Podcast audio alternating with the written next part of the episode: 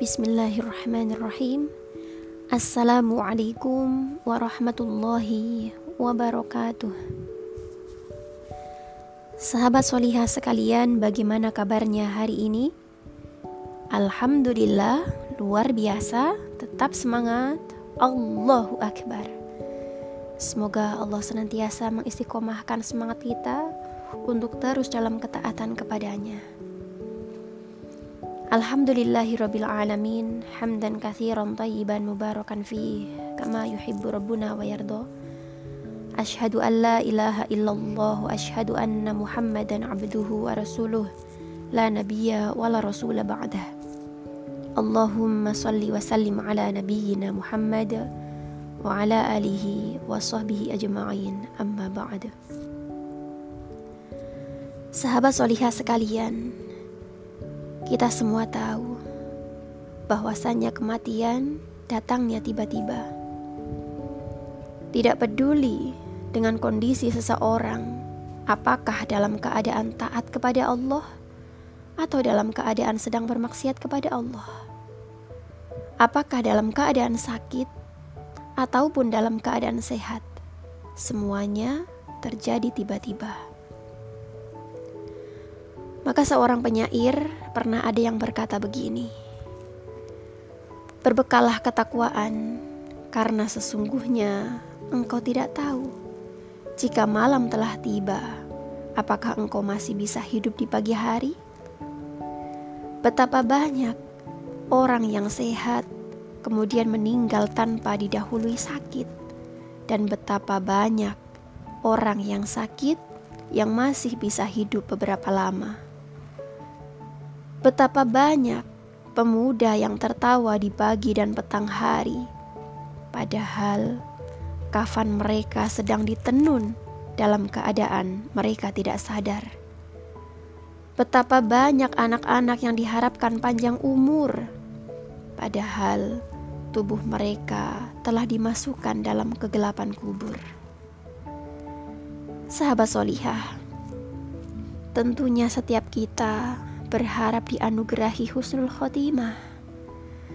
Ajal menjemput kita tatkala kita sedang beribadah kepada Allah, tatkala bertaubat kepada Allah, sedang ingat kepada Allah.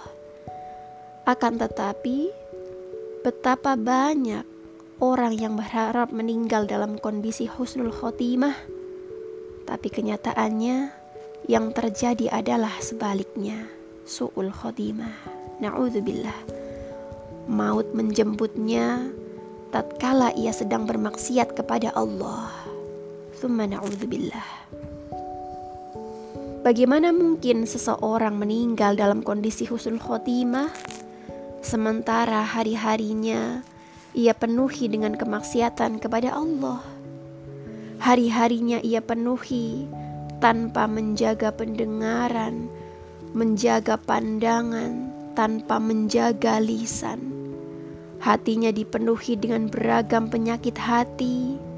Lisannya jauh dari berzikir dan mengingat Allah. Sahabat solihah, sesungguhnya seseorang akan dicabut nyawanya berdasarkan kehidupan yang biasa ia jalani.